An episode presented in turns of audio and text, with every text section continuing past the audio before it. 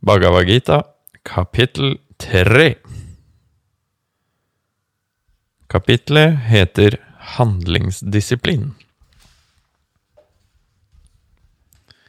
Arjuna sa, Hvorfor pålegger du meg slike forferdelige handlinger, Krishna, hvis du regner bevisstheten for viktigere enn handlingen?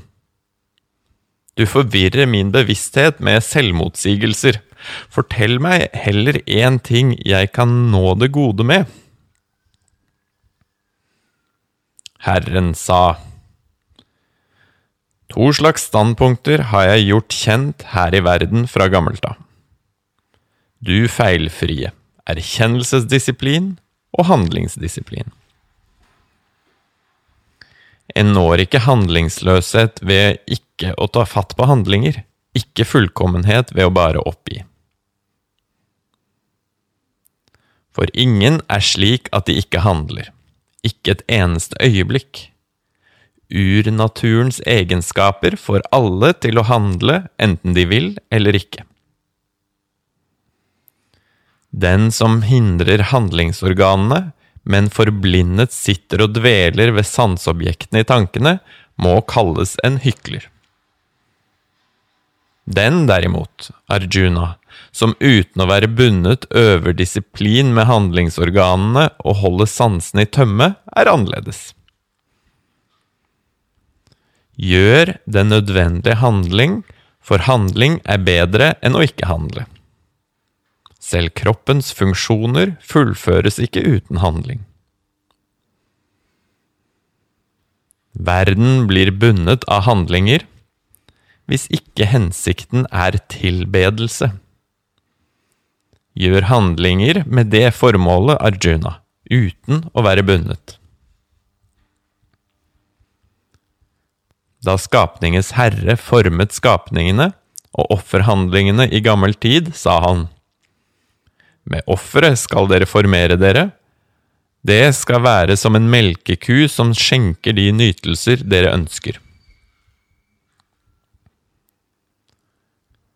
Med offerhandlinger skal dere få gudene til å trives, og gudene skal gjøre at dere trives. Når dere får hverandre til å trives, skal dere nå det høyeste gode. Har dere fått dem til å trives med offerhandlinger, vil gudene skjenke de nytelser dere ønsker. Men den som nyter det gudene gir uten gjengjeld, er bare en tyv. Gode mennesker er de som spiser restene fra offerhandlingen. De som koker for sin egen skyld, er dårlige, de eter ondskap. Levende vesener blir til mat, og maten blir av regn. Regnet kommer av offeret, og offeret skjer gjennom hellig handling. Den hellige handlingen kommer fra det guddommelige, skal du vite, og det guddommelige fra det uforgjengelige. Derfor er det alt gjennomtrengende guddommelige alltid til stede i offeret. Den har et ondt liv som ikke fortsetter å dreie hjulet som er satt i gang på denne måten. Han gleder seg bare over det sanselige, Arjuna. Han lever forgjeves. Men det mennesket som finner gleden i selvet, hvile i selvet, trenger ikke gjøre mer. Tilfreds ved selvet. Han har ingen interesse av det som gjøres eller ikke gjøres i verden. Han vil ikke påvirke noen. Utfør derfor handlinger som må gjøres, alltid ubundet. Gjør en det, når en det høyeste. Janaka og de andre nådde jo fullkommenhet gjennom å handle, så du skulle også handle for å holde verden i gang.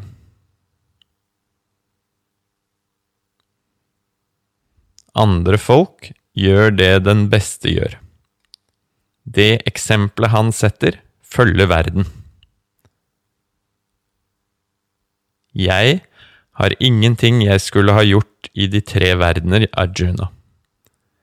Det er ikke noe jeg ikke har oppnådd, det er ingenting jeg skal oppnå. Likevel fortsetter jeg å handle. Gjorde jeg ikke utrettelig det, ville mennesker overalt følge mitt eksempel. Verden ville gå til grunne om jeg ikke handlet. Jeg kom til å skape forvirring og ville ødelegge alle skapninger. De ukloke handler bundet av handlingen, mens de kloke handler ubundet for å opprettholde verden. Den kloke som øver seg i disiplin, skulle ikke lage konflikter hos de uvitende som er bundet til sine handlinger, han burde oppmuntre til handlinger. For det er urnaturens egenskaper handlingene springer ut av. Men den som forblindes av jeget, tenker 'jeg er den som handler'.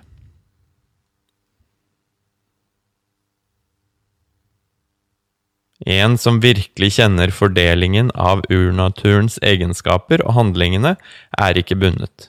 Du armsterke, han tenker, egenskapene virker blant egenskapene. De som forvirres av urnaturens egenskaper, bindes til egenskapenes handlinger. Men den som kjenner det hele, skal ikke forstyrre dem som ikke kjenner det hele, de svake.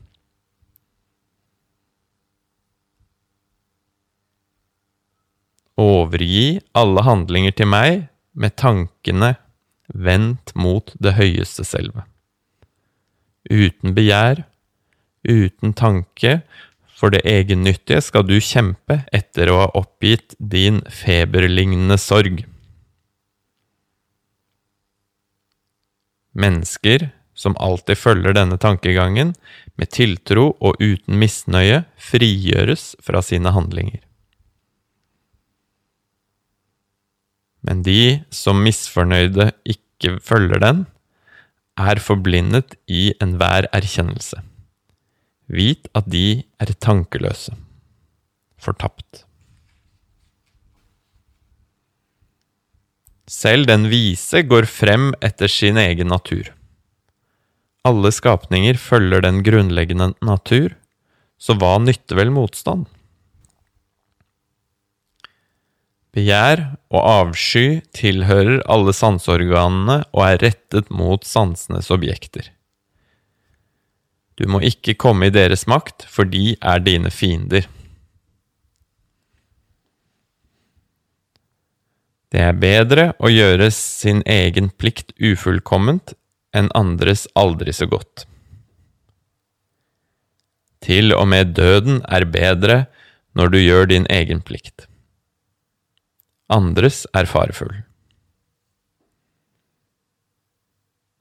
Arjuna sa. Men hva er det som driver en som handler dårlig, enda han ikke ønsker det? Er det som han tvinges med makt, Krishna? Herren sa, begjær er det, avsky er det, det kommer av naturens egenskap uro. Det sluker alt i ondskap. Vit at det er fienden. Som ilden er hyllet i røyk, et speil dekket av støv, et foster omsluttet av livmoren, er verden tilslørt av dette. Erkjennelsen sløres av den vises evige fiende, begjær, Arjuna. En umettelig ild. Sansene, sinnet og bevisstheten er denne fiendens støttepunkter, sies det. Med dem tilslører han erkjennelsen og det inkarnerte selve.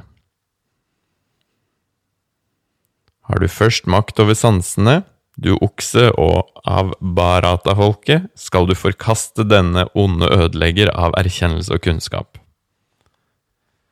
Sansene står høyt, sier en, men sinnet står høyere. Bevisstheten står høyere enn sinnet, men han står høyere enn bevisstheten. Når du er bevisst det som står høyere enn bevisstheten, og får styrke fra selve, så slå fienden, Arjuna, som har begjærets form og er vanskelig å knekke.